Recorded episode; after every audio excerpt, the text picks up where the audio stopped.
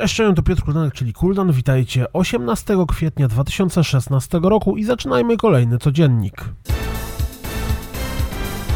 Tuż przed premierą nowego filmu Ghostbusters na PC, PlayStation 4 i Xbox One pojawi się również gra. Dokładnie gra pojawi się 12 lipca, a teraz możemy obejrzeć jej pierwszy zwiastun. Pojawiły się cztery zwiastuny Masquerade The Baubles of Doom. Gra wyróżnia się charakterystyczną komiksową oprawą i szczyptą humoru. Tytuł ma pojawić się już 20 kwietnia na PC, Xbox 360 i Xbox One, PlayStation 4 i PlayStation 3.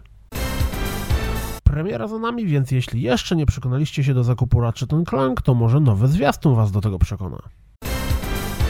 Ze zwiastuna dowiedzieliśmy się, że Blues and Bullets pojawi się również na PlayStation 4 i stanie się to już 19 kwietnia. Mogliby skończyć sezon wcześniej, bo w tym tempie piąty epizod pojawi się w 2017 roku. Point Blank Games zaprezentowało kolejny zwiastun Shock Tactics, gry mocno inspirowanej X-Comem, ale bez kosmitów, czy Jagged Allies, tylko że w przyszłości. Tęsknicie za RTS-ami w stylu Command Conquer? Być może debiutujący na Steamie 22 kwietnia 8-Bit Armies Wam się spodoba. Shante and the Pirate's Curse pojawi się na PlayStation 4 w tym tygodniu. Stardew Valley przebiło milion sprzedanych egzemplarzy. Jeśli gracie w Project Cars, to może zainteresować Was, że Mercedes AMG GT3 jest dostępny jako darmowy dodatek do gry.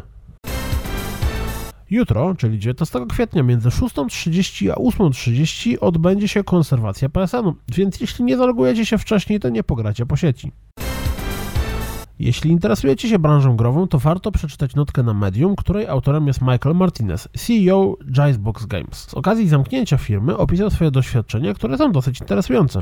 W końcu wydawałoby się, że firma, której dwie gry doprowadziły do wydania przez ludzi 8 milionów dolarów, nie będzie miała problemu z utrzymaniem się na rynku, prawda? Jeśli macie 5 minut, to poświęćcie je na obejrzenie pobicia rekordu świata w speedrunie Super Mario Bros. Zwróćcie szczególną uwagę na tętno grającego i emocje na jego twarzy pod koniec gry. Poprzedni rekord został pobity o 433 milisekundy.